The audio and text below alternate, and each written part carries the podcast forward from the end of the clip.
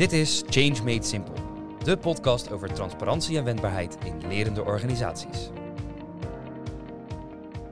Regeren is vooruitzien en van elkaar leren essentieel. Mijn naam is Judith Webber. Ik begeleid als organisatiecoach veranderingen in organisaties. Wij maken bij de Value Office de te nemen stappen graag simpel en brengen dit dagelijks in de praktijk binnen Rijksoverheid, zakelijke dienstverlening en de bouw. Ik ga in deze podcast in gesprek met directieleden en andere leiders die grote veranderingen hebben gerealiseerd. Zij delen met mij hun best practices en lessons learned.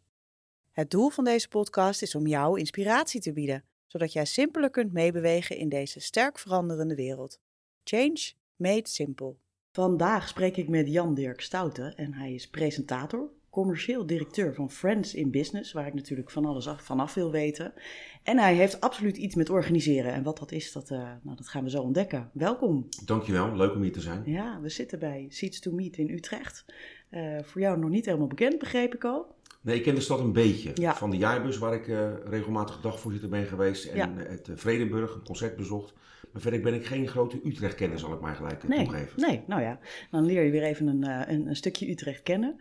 Uh, dit uh, zit uh, ja, aan Hoog Katrijnen eigenlijk vast en is een hele ja, hippe vergaderlocatie waar je nou, dus ook podcast kan opnemen. Ja. ja. Um, ja, ik ben natuurlijk heel benieuwd wat je, waar je allemaal mee bezig bent. En vooral um, ja, hoe jij naar verandering en organiseren kijkt en, en wat voor jou succesvol daarin is. Dus nou, pak er even een vraag uit die je beantwoordt en dan gaan we vanuit nou, Bij verandering moet ik gelijk denken aan mijn goede vriend Jan Robmans. Ik sta ik denk honderd keer per jaar op een podium om iets te presenteren. Ja. En soms organiseer ik ook zelf die bijeenkomsten. Mhm. En dan tref je meer slechte sprekers dan goede sprekers, is mijn ervaring. Met als um, doembeeld of doemscenario een hoogleraar die met zijn rug naar de zaal staat en voorleest wat we allemaal zien op zo'n sheet. Oh, dat is wel heel of erg. Ziet op zijn uh, PowerPoint-presentatie. Ja, je weet dat ik zelf ook spreker ben, hè? Ja, dat weet ik. Daarom zeg ik het. Uh, okay. Ik dacht dat ik ook Dat doe ik niet hoor. Dat dus. ik ook die bevestiging in je gezicht zag. Maar Jan is absoluut de allerbeste met wie ik werk. Ja. Is echt een goede spreker die praat over transities Ja. in de maatschappij. Ja. Bekende uitspraak van hem is dat we niet in een tijdperk van verandering leven, maar in een veranderend tijdperk. Mhm. Alles wat er nu wereldwijd aan de hand is met digitalisering. Ja. Maar ook uh, een groot onheil als de klimaatcrisis, dat het echt uh, ooit wordt gezien als de volgende industriële revolutie. Mhm. Waarom zeg ik dat? Ik dacht bij jouw eerste vraag, opmerking gelijk aan verandering en Jan zijn overtuiging is, Mhm. en dat is ook wel mijn persoonlijke ervaring, dat, dat grote veranderingen in bedrijven Mhm. uh, vaak ook gepaard gaan met grote veranderingen in mensen. Sterker nog, Zeker. dat er vaak ook een crisis bij iemand persoonlijk nodig is. Ja. Uh, om, om echt te veranderen. Dus Ja. daar dacht ik aan eigenlijk. Ja, nou ja, dat, uh, dat snap ik helemaal. En volgens mij heb je daar ook wel wat verhalen over te vertellen. Uh, ik, Ja. ik ook trouwens. Dus nee, dit is precies de link die ik ook wil leggen in, de, in de podcast. Dus organisatieverandering en wat dat te maken heeft met persoonlijke groei van mensen zelf. Van degene die de verandering leiden, maar ook van de, van de mensen die er soms onder lijden met een lange Ja. ei. Dus en ja, hoe verandering ook leuk kan worden. En nou ja, hoe je daar, uh, ja, hoe we eigenlijk met elkaar kunnen leren van, van elkaar. Dus ja. Uh, dus ja, ik ben heel benieuwd uh, wat je daar nog verder over te vertellen hebt. En uh, ja, je put wel uit eigen ervaring. Ja, ik moet gelijk denken aan Friends in Business, waar ik nu zeven Ja. jaar ben. Dat is een bedrijf, eigenlijk van oorsprong een magazine voor de Rotterdamse haven. Ja, Dat al sinds 1987 bestaat, dus dat is echt lang. Dat is echt knap van alle mensen voor mij. En toen ik daar kwam, had ik een gesprek met, uh, voordat ik er kwam moet ik goed zeggen, had ik een gesprek met uh, Jan Smit, toen de eigenaar, nu nog steeds de eigenaar. En die zei tegen mij, ik heb twee volgers op social media, mijn vrouw en mijn hond. En ik heb gezien dat jij er op Twitter alleen al 40.000 hebt. Jij zal er wel verstand van hebben, zei hij op zijn Rotterdams. Lekker direct, zoals we in onze stad vaak kunnen zijn. ja, Kortom, Jan voerde aan zijn water, ook zo'n Rotterdamse uitspraak, dat, dat een blad alleen, een magazine alleen als standalone eigenlijk geen toekomst meer had. ja, En wist dat daaromheen, zoals je dat in ons vak noemt, een crossmedia platform gebouwd moest worden. ja, Vond ook dat we betere evenementen moesten gaan organiseren. En daar had ik een uitgesproken mening over. Het was niet mijn bedoeling om daar de baas of de eindbaas, zoals Mhm. mijn zoon van 15 tegenwoordig zegt, te worden. eindbaas, Uh, ja, maar mooie ik- term. we hadden een heel goed gesprek over alle veranderingen in de media, die, die Mhm. immens zijn de laatste jaren. Social media, de smartphone, hebben het complete verdienmodel in media op zijn kop gezet. Ja. Nog een mooi voorbeeld. Ik heb eergisteren een berichtje op LinkedIn gezet. Ik heb een tijd te maken gehad met tinnitus, zo'n continue piep in je oor. Even een persoonlijk Oh, voorbeeld. Wat irritant. En ik ben daarvan afgeholpen in België. Want Oh. in Nederland zegt elke huisarts, elke dokter, wen Moet er je maar mee aan. leven, toch? Ja. Ik heb daar een berichtje over gezet. eh, over geschreven. Ja. Dat is nu in twee dagen tijd 140.000 keer gelezen. Zo. Dat geeft aan dat Ja. die wereld volledig op zijn kop staat. Hè? Ja. Niet dat elk, bereik, eh, elk bericht van mij dat bereik haalt, maar het Mhm. geeft wel aan dat, je, dat je geen traditionele media meer nodig hebt Nee, als precies. persoon, als bedrijf, om grote groepen mensen te bereiken. Nou, Ja. dat, dat voelde Jan om weer bij dat verhaal terug te komen. Mm. En toen vroeg hij aan mij, wil je niet gewoon hoofdredacteur worden om die verandering voor mij te leiden? Ja. En dat vond ik hartstikke leuk. Mm. En daar ben ik aan de slag gegaan met een groep mensen. En dat hebben we met elkaar eh, goed gedaan in mijn ogen. Oké, en wat was, het, wat was het doel? Nou, het doel was om eigenlijk, als ik terugkijk op eh, zeven jaar geleden, wat, wat eigenlijk kort is, maar ook weer lang in mijn gevoel, een beetje dubbel, om Friends in Business nieuw bestaansrecht te geven. Om er een modern, om van het ouderwetse tijdschrift, zou ik bijna Ja. zeggen, magazine, een modern communicatieplatform te maken. Mm. Dus ik, ik had een aantal dingen heb ik toen gedaan. Eh, nogmaals met mensen om me heen. Hè, want Ja. er vallen ook mensen af in zo'n verandering. Dat zei je al net. Ja, Leiden met een lange ei. soms wel. Is, ik heb eerst tegen Jan gezegd van mijn grote ergernis aan al die zakenbladen is dat er alleen maar advertorials in staan. Mhm. En die leest gewoon echt helemaal niemand. Nee. Dat is leuk voor de betrokkenen zelf. Ja. Maar als ik met de directeur van eh, Audi Centrum Nederland praat en die presenteert, willekeurig voorbeeld overigens, Mhm. hè, Ja. zijn omzetstrategie voor het derde kwartaal, dan is iedereen bij zin 2 afgehaakt. Ja. Dus laten we nou, ook al betalen mensen om in dat blad te staan, probeer daar echte verhalen over echte mensen te maken. Elke Ja. ondernemer is wel eens euforisch vanwege een behaald succes. Ja. Ook wel eens heel veel tegenslag in een bepaalde fase van zijn of haar leven. Laten we die verhalen gaan maken. Dat is gelukt. Dus we hebben er een echt blad van gemaakt. Mm. En we zijn online begonnen. Kijk, elk bedrijf heeft nieuws. Alleen weten ze dat vaak zelf niet. Maar Nee, als wij als nieuwsmakers... Ik heb zelf 27 jaar bij Radio TV Rijn met de publieke omroep gewerkt. Daar Ja. werd je bijna gedrild als 20-jarige jongen om nieuws te maken. Ja, ja. Alles is nieuws Alles, eigenlijk. alles is nieuws, ja. Ja, En- ja. Maar dat weten ze vaak zelf niet. Maar als je een half uurtje met een ondernemer praat, Ja, met nee, een directeur, dan horen wij vijf, zes dingen waar we online iets mee kunnen. Dat doen we dus ook. Wij maken dat nieuws voor die bedrijven, mooi. geven het bereik via ons platform, Ja. via social media. Mm. En we zijn evenementen gaan organiseren. Dus dat is wel, dat was voor dat bedrijf echt een grote verandering. Ja. Online deden we niets zeven Ja. jaar geleden. Nu bereiken we eh, 350.000 mensen per maand online. Ja, Hebben we zo. 10.000 unieke bezoekers op de website elke maand. Mooi. Dat, dat zijn voor een zakelijk platform best heel, heel aardige, goede aantallen. Zeker. En we organiseren evenementen, zijn aan het groeien, hebben bedrijven bij ons eh, eh, betrokken. Vergeet ook niet, in die tijd, Mhm. ehm, in die tijd was er ook nog geen eh, verdienmodel online. Iedereen was daar naar op zoek. Dat was Mm. toen eigenlijk aan het ontstaan. Dat hebben wij gevonden door bedrijven gewoon abonnementen te verkopen. Ja. Waarbij ze een x aantal berichten online hebben afgenomen bij Ah, ons. ja. Ik word enthousiast als ik lekker Ja. zit te praten. Ja, lekker hè? Ja, heb ik ook altijd.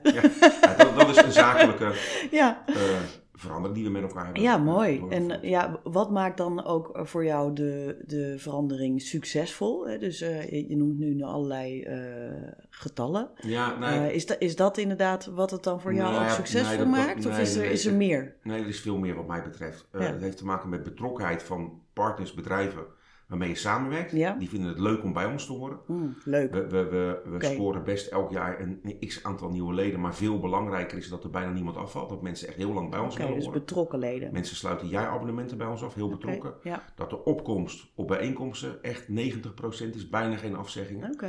En wat in zo'n verandering cruciaal is volgens mij, dat de mensen die voorop lopen, Mhm. Eh, ja, dat die toch, dat is misschien een beetje simpel, maar dat moet je ook naar je kinderen, lukt niet altijd, daar zeg ik er Mhm. gelijk bij, Ja, ja, ja. Ja. eh, voorbeeldgedrag vertonen. ja. Dus als je, je moet er ook streng in zijn, als, als dus bij onze redacteuren teruggaan met een verhaal, waarbij het wel, heel, heel strak hè, wel Mhm. over die omzetstrategie in het derde kwartaal ging, ja, ja, ga maar terug, ga, het verhaal maar opnieuw maken. ja. En dat is best moeilijk, ja. want er zaten mensen bij die al twintig jaar voor Friends in Business schreven. Oh ja, oké. Eh, Dat is best ja, een dat behoorlijke is- verandering. Dat dan. is de enige manier om ze mee te krijgen. Ja. En ook nieuwe mensen erbij halen Mhm. Die dat juist wel leuk vinden. Ja, precies. Ja, Er ja waren wat ook komt- mensen die, die het omarmden gelijk. Die Ja, riepen oh ja. eindelijk iemand die zegt wat ik al jaren denk, maar ik kreeg het er niet doorheen. Ik was Ja, niet ja. sterk genoeg alleen Ja. om dat te Je veranderen. roepen in de woestijn Ja, eh, gevoel. Ja, ja. ja. ja. Ja, dat, eh, dat zie je natuurlijk heel vaak. Hè? Dat, die, dat er zat mensen eigenlijk al met ideeën rondlopen. Maar dat ze op Ja. een of andere manier niet er doorheen komen. Ja. Omdat ja, er iemand aan de top zit meestal die, eh, die er wat anders van Ja, en vindt. iemand van buiten dus Ja. nodig hebben Ja. om, om, om ja, wel die veranderingen met elkaar te maken. Ja, ja, mooi. Nou ja, je gaf... ehm, ja, dat, dat herken ik trouwens heel erg. Dus de, de sterkere relaties die eruit voort zijn gekomen... om even samen te vatten wat je zegt. Eh, veel meer betrokken leden. En dat, dat blijkt dan uit Ja. eh, eh, abonnementen. Dat ze niet weggaan. Dat ze naar Ja. evenementen komen. Dat heel veel mensen komen en niet, eh, ook daar niet afzeggen. Dat zijn natuurlijk ook hele belangrijke factoren om Ja, naar te kijken. En we worden heel veel gebeld door mensen die ons online zien. We gebruiken natuurlijk met name onze website om, om dat nieuws te, te plaatsen, daarmee bereik te genereren. Maar dat doen we vooral via, op social media, via LinkedIn. Het ultieme zakelijke platform. Ja. En heel veel mensen bellen ons, dus ik wil eens met jullie praten, Ja. omdat jullie elke dag voorbij komen. Mm, ja. Dus die zichtbaarheid die is echt eh, heel belangrijk. En, eh, ja. En je gaf al aan, voorbeeldgedrag is daarbij heel erg belangrijk. Hoe, eh, hoe, hoe borg je dat? Hoe doe je dat? Ja, dat, kijk, ik heb ooit van Toon Gerbrands, een grote leider in de sport, geleerd dat, dat leiderschap niet overdraagbaar is. Dat zit echt in mensen. Mhm. Je kan niet als je morgen iemand anders iets laat doen in een groot bedrijf, het leiderschap van de zittende eh, directeur, groot aandeelhouder of manager kun je niet overdragen. Dat zit echt in mensen. Mhm. Maar het heeft echt met voorbeeldgedrag te maken. Ja. Kijk, voorheen bij ons, om het weer heel tastbaar te maken, gingen mensen naar zo'n bedrijf toe. En dan zaten er keurig eh, twee, ik zeg meisjes, mag, mag je dat toch zeggen? Dames. Nee, ik denk het niet. Dames. Ja, Ehm, ik ben 53, dus voor mij is iemand al snel een meisje of een jongen. Hè, dus daar zit geen ja precies. Ah, dat scheelt. Dat scheelt. Jongens en Goede meisjes. aanvulling. Ehm, dat is wel belangrijk om te zeggen. Maar dan, dan, dan, dan, waren we toch snel geneigd om op te schrijven wat de klant wilde dat we Mm, opschreven. ja, ja, ja. En nu moesten we gewoon andere verhalen maken. En lieten we ook en passant op social media zien dat we er zijn geweest. Even met je telefoon een kort filmpje maken. Nou Als de fotograaf bijvoorbeeld zijn of haar werk Ja. Dat, is, dat is echt een gedragsverandering. En Ja. dat kun je alleen maar bereiken door het zelf consequent te doen. Ja. Nou ben ik door mijn eh, verleden als sportjournalist heel erg actief op social media. Dat is Ja. een deel van mijn bestaan. Ja. Maar je moet daar wel consequent eh, het voorbeeld in geven. Consequent in voorop lopen. Ja. En voelt dat, voelt dat nog als een, als een bepaalde druk? Nee, of, ik vond het eh, hartstikke leuk. je- ja? Ja. je kijkt er ook heel blij Ja, bij. ik vond het eigenlijk, als ik terugdenk, en la- laat niet iedereen dit horen, maar goed, ik- dat, dat mag wel. Want ik weet, je hoeft zeker ni- er hoeft niks in geknipt te worden in dit gesprek. Ga ik, ook niet ik ben doen. ook meer de man van de verandering dan de man van consolideren. Daarmee precies. zeg ik eigenlijk, bij Rijnmond heb ik het 27 jaar volgehouden. Omdat ik telkens nieuwe dingen ging doen. Ja, precies. Ik deed amateurvoetbal, ging eh, belangrijke interviews maken, Hmm. ging betaald voetbal doen, ging Feyenoord volgen, mocht eh, op motor 1 zitten als de marathon in onze stad was. Hmm. Er was 20 jaar verslaggever bij Tennis in Hooi. Daar heb ik echt geweldige dingen mogen doen. Ja, Eh, maar, maar online kwam daarbij. Ik ben tv gaan doen. Dus bij mij, dan zocht ik de Ja. verandering binnen het bestaande precies. kader. Ja, ja. En bij Friends in Business ben ik ook toe aan, aan een nieuwe stap. Dat, dat Mm. merk ik, dat voel ik. Prima. En weet je al waar naartoe? Nee, maar Nee? als je het, mijn ervaring is echt, zonder dat ik heel, ja, ik wil het ja. Spiritueel gaat... spiritueel wil gebruiken. Nou ja. Als je het al voelt, Mhm. als je het al durft uit te spreken, Zeker. komt hij er echt vaak vanzelf. Oh ja, absoluut. Ja, dat is, eh, dat is ook mijn ervaring hoor. Ja. Ja. Ja, ja. ik ben ook wel een beetje spiritueel aangelegd hoor. Dus ik, eh, ik heb dat soort ervaringen ook. Van, ja, Ja. eh, roep, eh, ik wil iets anders. Eh, en ja, heel vaak zijn mensen ook al, eh, dan stellen ze zichzelf de vraag: hè, van ik, eh, ja, ik weet niet of ik hier nog wel zo lang wil werken. Nou, ik denk dat je het wel weet, want anders zou je dat niet Ja. zeggen. Durf je vaak alleen de consequenties van, van die keuze nog niet te, te Nee, ondervinden. nee, nee, precies. Ja, ja, ja, exact. Ja, die weet je ook natuurlijk nog niet eigenlijk. Hè? Nee. Dus eh, ja, de mogelijke consequenties gaat het dan om. Nou, je gaf al even aan van nou, de hè, organisatieverandering eh, heeft natuurlijk ook alles te maken met je eigen persoonlijke groei. Dus wat, eh, wat, wat heb jij allemaal meegemaakt dan? En wat, wat eh, zou je daaruit willen pikken als van, hé, hey, dat wil ik eens even... even? Ik heb veel Eh, meegemaakt. ja, ik heb nog wel even, ja. Nou, ik heb in 2017 en 2021 eh, twee behoorlijke depressies gehad. Zo, Dat is niet zo'n vrolijk verhaal, maar dan ben ik wel heel blij dat ik ze heb meegemaakt. ja, Echt heel blij. ja. 17 was ook het jaar waar ik bij Friends in Business begon. Of Oh. dat toeval is, weet ik niet. Ik, denk, ik denk van niet. Want naast, toen ik stopte als verslaggever was, was er wel een deel van hectiek uit mijn leven weg. Hmm, En blijkbaar had ik die rust nodig om Ja, bepaalde voelen. gevoelens een plek te kunnen geven. Ja, ja. Ehm, ja, En, blij eh, dat, dat ik die het- heb meegemaakt. ja. Omdat die me heel veel inzichten in mezelf, mijn eigen gedrag hebben gegeven. En hoe ik me naar anderen eh, verhoud in Ja. relaties. Ja, Eh, niet alleen privérelaties, ook persoonlijke relaties met je, met, je, met je vriendin of je kinderen. Maar ook met eh, andere mensen, kennissen, vrienden. Vrienden vooral. oké. Dus dat is geen cliché van blij dat ik het heb meegemaakt in de zin van wat je vaak hoort. Hè, om, Mhm. om je verder te brengen. Maar bij mij is dat echt wel het geval geweest. Ik heb heel diep gezeten. Zo. Ik heb me daarin ook redelijk snel persoonlijk laten begeleiden door mensen die daar dan weer verstand van hebben. Ja, goed. Maar daar, daar ben ik echt blij mee dat ik dat doorleefd heb. Ik, heb- ik heb een tamelijk heftige jeugd gehad met geweld, met verwaarlozing, met misbruik. Oké, Met een vader die vroeg overleed. En ehm, ja, dat moet je blijkbaar een keer een plek geven. Dat is Ja. heel logisch als je het zegt, hè? Ja, Maar, maar als je erin zit, dan eh, is, het beter. gewoon Want je kan het eh, allemaal shit. verstandelijk weten. Ja, Maar het voelen wat Ja. het met je als kind, als mens heeft gedaan, dat je eigenlijk heel alleen bent geweest. mm, ja. Ja, dat, dat is weer een ander verhaal. zo. Dus daarom, ehm, Ja. da- daar geloof ik echt in dat je, dat je als je zelf die crisis meemaakt, als je echt, als het zwart in je hoofd is geweest, zoals het Mm. bij mij echt is geweest, een Ja. aantal keren, en dan echt maanden achter elkaar, Ja, dat je dat nodig hebt. Ik heb dat in ieder geval nodig gehad om hele strenge keuzes te maken als het om werk ging. Ik was Tot Ja? Een jaar of drie geleden, ik denk werkverslaafd. Hmm, Oké. Nee, niet denk ik, dat weet ik eigenlijk zeker. ja, precies. Ehm, en dat is in de media ook heel makkelijk om dat te raken, zeg ik er gelijk dat bij. geloof ik direct. Zeker met social media bij, waarbij het nooit meer ophoudt. Ja, En eh, dat is nu heel, heel veel malen minder. Het, Hmm. Heel veel minder het geval, om het goed Nederlands te Ja. zeggen. ja.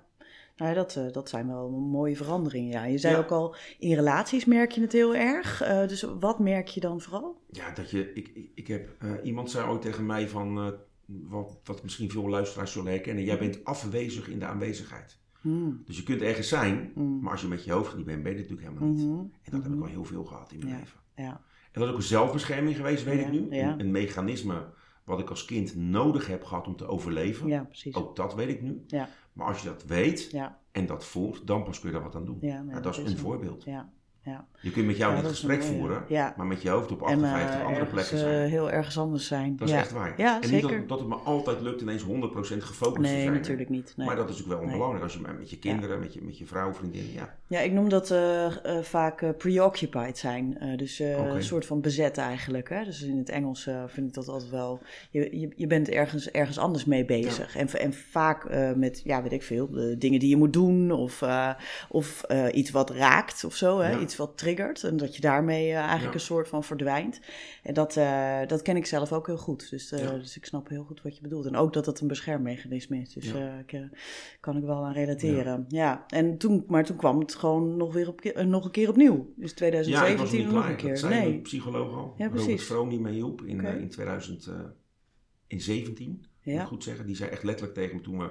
Toen ik wel, dat kunnen ze ook meten, hè. die mensen zijn natuurlijk heel ver ook in die eh, wetenschap. Ja, Ik was toen uit die depressie, maar hij zei, hij zei letterlijk tegen je, ik ben nog niet klaar voor de echte confrontatie. oké. Je ziet hem nog zitten. Oké. En toen zei ik, ja, moet ik een hele dagen naar foto's van mijn ouders gaan zitten kijken of zo? ik, ik ging duidelijk in de weerstand.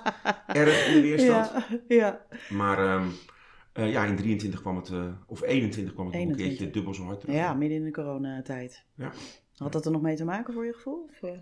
Ja, daar kan ik nooit helemaal een eerlijk antwoord op geven. Wat bij mij wel de trigger is geweest, is dat een nichtje van mij contact opnam Ja. van een deel van mijn familie, waar ik eigenlijk 20 jaar geen of amper contact mee had. Ja, dat zei je net. Ja. En die, niet confrontatie, maar dat contact, ook met haar ouders, eh, ja, die hebben mij gewoon met een knopje aangezet, waarbij Ja. ik nog een keer terug naar vroeger ging. ja, En eh, eh, opnieuw in een crisis kwam, die, die hard nodig was om mij wel eh, een, nou ik wil nee, zeker geen beter mens, dat zou verkeerd zijn, maar een uitgebalanceerde mens te maken. Een Mm. milder mens, Hmm. ook naar mezelf te maken. ja, ja. Ja, kun je daar wat over vertellen? Milder naar jezelf? Ja, ik was heel streng voor mezelf. Ja. Ook, ja, ook qua werk. Ik, zei net, het- ik gebruikte net het woord werkverslaafd. Ja, precies. Maar als mijn zoon die is nu 15, dus die bepaalt zelf hoe laat hij gaat slapen. Mhm. Ik las van week over het puberbrein dat ze eigenlijk nooit willen slapen. En als ze nou gaan slapen, Ja. dat ze heel lang willen slapen. ja. Maar, ik, heb er, ik heb er ehm, ook zo een. Ik heb er ook een ja. van 15. Toen, toen, toen, ik, eh, toen hij jonger was, dan ging hij op maandagavond om 8 uur naar bed. En als ik dan niet tot 12 uur nog een keer ging werken, terwijl ik heel het weekend al gewerkt had, Ja, ja, ja. voor de radio toen nog en tv, Ja, ja, ja. dan voel ik me schuldig. Nou, dat is best Mm. streng. Zo. Ja. Ehm, en nu kan ik dat heel makkelijk eh, laten. Oké, eh, ja. Heb ik voor mijn gevoel veel meer. Ik wil niet zeggen dat ik permanent vakantie heb, maar nu ik gewoon 40 uur werk, nog steeds wel eens een week meer. Hè? Hmm. Of zelfs wat minder sommige Ja. weken, dan voelt Ja. het voor mij alsof ik echt heel weinig doe. Hmm. Maar daar kan ik wel veel beter mee omgaan dan Ja. ooit. Ja. ja. dat is wel Mildheid. inderdaad eh, milder. Belangrijk. Ja, zeker. Ja. ja, nou, ik ben een boek aan het schrijven over zelfliefde. Dus eh mildheid is daar een, eh, zeker een belangrijk onderdeel in. Ja. Ja. we leggen de lat ook voor onszelf heel hoog. En onbedoeld daarmee voor anderen ook, hè? Dus eh, Ja. gewoon hoe je met jezelf omgaat, ga je ook met anderen om. Vaak. Eh, niet, niet altijd. Soms gaan mensen liever met anderen om dan met zichzelf. Maar vaak eh, is het toch wel een beetje copy-paste. Ja. Dus herken je dat ook in, in, je, in je leiderschap? Dat dat, ja, wel, dat, hè, dat maar dat, veel is het klassieke verhaal van iemand die, die nou, ik liep dan bij Friends in Business een tijd lang voorop. Ja, Ja, dat verwacht je dan onbewust ook van mensen om je heen. Ja. Dat, dat is eigenlijk wat je zegt. ja, En precies. dat kan natuurlijk helemaal niet. Nee, nee. Nee. Ja, 24-7 en eh, WhatsApp-groepen eh, waar Ja. je dan altijd maar op Ja. moet antwoorden. Op alle mogelijke tijden. En ik hoorde van de week nog een verhaal van iemand die, eh die notabene een bijbaantje heeft. En die echt gewoon constant eh, nou, een soort van gestalkt eh, wordt voor haar gevoel eh, Ja. via de WhatsApp. En al- je moet overal meteen op reageren. En eh, nou, dan, dan heb je dus eigenlijk nooit vrij. Nee, dat, dat is het grote nadeel. Er komt ook een tegenbeweging, hoor. die is voor mij al gaande. Ja, vertel eens, wat zie je? Nou ja, kijk, we zijn nu natuurlijk allemaal bereikbaar. Ja. En, eh, ehm, ik heb ook wel eens tegen mensen gezegd, ja, waarom ben je niet bereikbaar op zaterdagmiddag vijf uur? Weet je? ja, ja, ja. In de tijd van de sportjournalistiek kon dat nog, want dan werkten we vooral in het weekend. Maar nu kan het, ja, tenminste, je kan het wel vragen aan iemand, maar waarom zou je van iemand moeten verwachten dat, dat hij of zij 24 uur per dag bereikbaar is? Ja, precies. Hij is het nu zo uitspreek. Ja, Dus daar gaat wel weer een tegenbeweging komen. Dat kan niet anders. En ik moet zeggen dat ik zelf heel vaak mijn telefoon gewoon op stil heb staan. Eh, dat, Ja. dat geeft me gewoon de mogelijkheid om zelf eh, te kiezen wanneer, Ja. ik, eh, wanneer ik reageer ergens op. Ja. In plaats van dat Pavlov-effect van er gaat een belletje, dus dan moet ik nu meteen wat doen.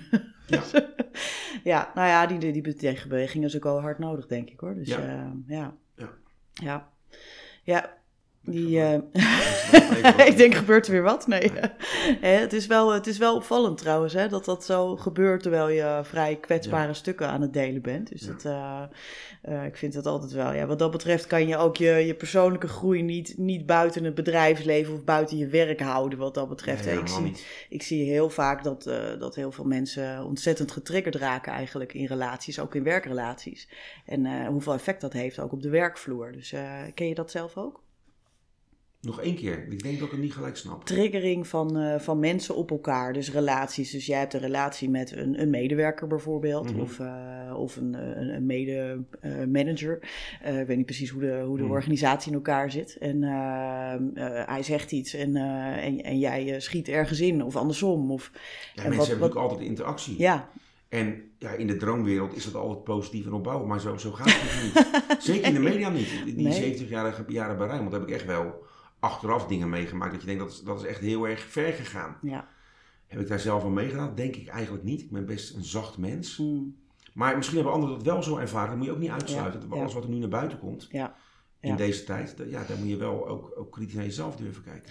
ja, dat is ook zo. Eh, ja, het is wel mooi dat je dat zegt. Ik ben een zacht mens. Ik denk eigenlijk dat we allemaal Ja, een zacht mens zijn in de kern. Eh, maar dat er, dat er heel veel beschermingslaagjes overheen Ja. zijn gekomen. Ja, om, niemand eh, wordt slecht geboren. Nee, dat geloof ik niet. Nee, nee, dat is ook wel een mooi boek over de meeste mensen deugen van Rutger Brechtman. Heb ik gelezen. Ja, heel lekker dik, maar Ja. vol Nee, voorbeelden. maar fantastisch. ja, ik vond het echt eh, heel mooi. Zoveel Ja. bewijsvoering Ja, van... eh, ja, ook met allerlei wetenschappelijke experimenten. Of experimenten. Ja, wel Ja, experimenten. toch ja. wel experimenten, ja. Ja.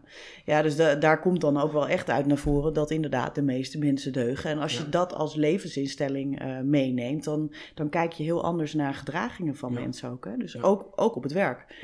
Ja. Eh, dus ik zie heel, heel gauw dat, het, ehm, dat, er, dat er een soort van oordeelsvorming eh, komt. En dan houdt ook het gesprek op, hè. Eh, dus als er een oordeel komt van ja, je, hebt, je hebt er geen zin in of je, je gooit er met je pet naar, dat is gewoon een Ja, oordeel. dat is een oordeel, ja. Ja, en dan houdt het gesprek op. Dan is er geen vraag. Er is geen Ja. vraag. Dus er is ook geen dialoog. Dus je, Nee. Er is geen nieuwsgierigheid. Het is Nee. gewoon vastgesteld eigenlijk. Er is nu een mooie campagne gaande, hè? Ja, Over vertel. polarisering. Ik hoorde vanmorgen nog Oh, een commercial ja. op de radio. Oh. Van, eh, dus iemand zei, ik vind jou echt zo... Dus de commercial gaat als volgt. Ik vind Ja. jou echt zo'n typische klimaatrammer. en jij ontkent alles wat er aan de hand is, zegt dan diegene tegen wie dat weer gezegd Oh ja, werd. ja. En toen zei die eh ene van, zullen we het eh, erover eens dat we het oneens zijn, wil je nog wat drinken? Nou, daar ben ik het mee eens, zei Ja, ja, ja, ja, dus precies. eh, die manier van Mooi. discussiëren, die ook zeker op social media heel groot is Mm, tegenwoordig. ja, Inderdaad, met klimaat, Ja.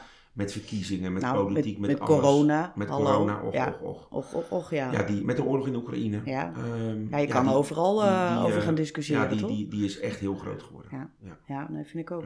Ja. Ik zag wel wat aanplakbiljetten en zo, maar ik, hoor, ik luister zelf vrij weinig radio, dus ik eh, mis dan zo'n commercial wel. Dat klinkt dan wel weer goed, ja. Ja. Dat is toch wel de invloed van dat soort campagnes kan best groot zijn, hè? Ja, Dus, laten we het hopen, zeker in dit geval. Ja, zeker, ja. Ehm, ja. We gaan alweer een beetje richting de afronding. Ik vind het altijd wel mooi om eens te kijken naar wat er uit dit gesprek eh, blijft plakken bij jou. En die vraag stel ik mezelf dan ook. Nou, wat ik er leuk aan vind, is dat je, als ik even een blok van zeven jaar pak, dat daarin in mijn leven best wel heel veel gebeurd is. Twee diepe crises. Ja, Eh, vertrek bij eh, een bedrijf waar ik 70 jaar met simozaligheid en met heel veel plezier heb gewerkt. ja, het, het voor het eerst echt leiden van een bedrijf.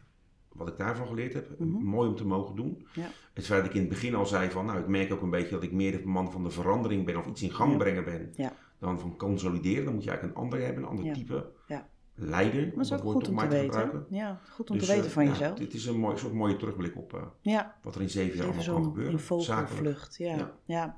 En waar mag het heen voor jou? Zie volledige vrijheid. Hmm, Dat is wel wat me gelijk te binnen schiet. Oké. Dus ik denk dat ik wel bevrijd ben in die eh, twee donkere perioden, maar er Ja. is ook wel wat, wat zit nog. Ja. Ja. Ja. Nou, dat is, eh, ja, ik vind het altijd wel mooi hoor. Als je dat kan, eh, kan voelen zo. Van er, er, zit, er zit nog iets en het kan nog Ja. vrijer. Het kan nog, ja, ik geloof dat, je, dat dat een oneindig iets is trouwens hoor. Ja, zeker. Dus je kan nog vrijer, nog vrijer, nog echter, nog liefdevoller, nog ja, Mhm. krachtiger, hoe je het ook maar wil noemen allemaal. Nog zachter. Ja. Ehm, ja, mooi. Ehm, ik ga mezelf ook even stellen. Wat er bij mij blijft plakken. Ja, ik vind het mooi hoe eh, open je bent over de, over de crisissen die je hebt meegemaakt. Er is En- sommige mensen honderd keer aanbevolen dat Ja. niet te zijn. Ja, Maar ik zie daar echt de meerwaarde niet van in om niet open te zijn. nee, nou ja, ik eh, ben het roeren met je eens. Ik geloof echt dat openheid de route is naar verandering juist. Ik Dus weet in dat- 2011, en toen was ik al, even kijken, 90, 11, 21 jaar op radio en televisie. ja, Dus ik was gewend om in die stad, waar Feyenoord een grote club is, Ja. ook daarbuiten, maar zeker in die stad leeft het enorm daarop aangesproken te worden. ja. Nog steeds trouwens, maar toen helemaal. mhm, En ik schreef toen, toen mijn moeder overleed, werd ik gebeld door het Algemeen Dagblad voor een portret. mhm. Ik dacht, als ik weer zo ijdel ben om met dat iets te dikke hoofd in de krant te gaan staan, moet ik ook een eerlijk verhaal vertellen. En toen heb ik verteld dat het overlijden van mijn moeder in bepaalde opzichten ook een opluchting was. En ook Mm. waarom. Mm. Ook een aantal dingen die ik hier verteld heb. Ja. Alleen toen ging ik daar dieper op in, in die Mm. krant. Ja. Wat er toen gebeurd is, mhm, ga ik nooit meer vergeten. mhm. Toen, toen werd ik echt door mannen, vrouwen tussen de, tussen de 20 en 80 aangesproken van elke afkomst. Ja. Het mooiste gesprek voerde ik in Ahoy, want het was in de week, het was januari, van de wielerzesdaagse in Ahoy, een groot evenement in onze stad. mhm. Er kwam een vrouw van 60, 70 naar me toe. Die zei, Dick, mag ik jou bedanken? Ik zeg, mevrouw, waarom dan? Ik, zeg, nou, ik zat gistermorgen met mijn man, was op de zaterdagkrant, dus die lezen mensen in mijn beleving Oh ja. altijd iets aandachtiger dan op een willekeurige maandag of Ja. donderdagochtend. ja, precies. Eh, jouw verhaal te lezen. Mhm. En toen heb ik hem durven vertellen dat ik als in mijn jeugd misbruikt ben, omdat jij zo open was. Zo, Dus ja. ik ben ervan overtuigd, daar ga ik ook een keer een boek over schrijven, dat wordt Mhm. mijn boek. Ja, Ehm, ja, dat je Mhm. daarmee mensen echt helpt. ja. Ja, nee, eh, nou ja, het met je eens. Eh, dus je helpt jezelf en je helpt ook nog eens een heleboel andere mensen ermee. Ja. Ja, ja over bevrijding gesproken. Mijn, mijn eerste boek heet eh, Laat jezelf zien. Dus dat gaat over openheid. En dat vond ik zelf trouwens ook heel spannend. Dus. Ja. maar inmiddels niet meer. Eh, inmiddels is het eigenlijk vooral bevrijdend. Ja. En, eh, en zo zie je hoeveel impact je daarmee Ja. kan hebben op anderen. Dus ik vind het heel mooi eh, dat je juist ook in jouw positie zo open bent. Want er kijken veel mensen. En daarmee heb je dus ook heel veel impact. Dus laten we daar vooral mee doorgaan. Dat dat is eigenlijk wel mijn belangrijkste conclusie. En ja, hoe kun je eh, een organisatie ergens naartoe meenemen als je niet ook zelf eh, enorm groeit? Ja. Dat gaat helemaal niet natuurlijk. Dus, eh, dus dat, eh, nou, daar wil ik graag mee afsluiten. Dankjewel. Graag gedaan. Jan Dirk. Dankjewel. Ja.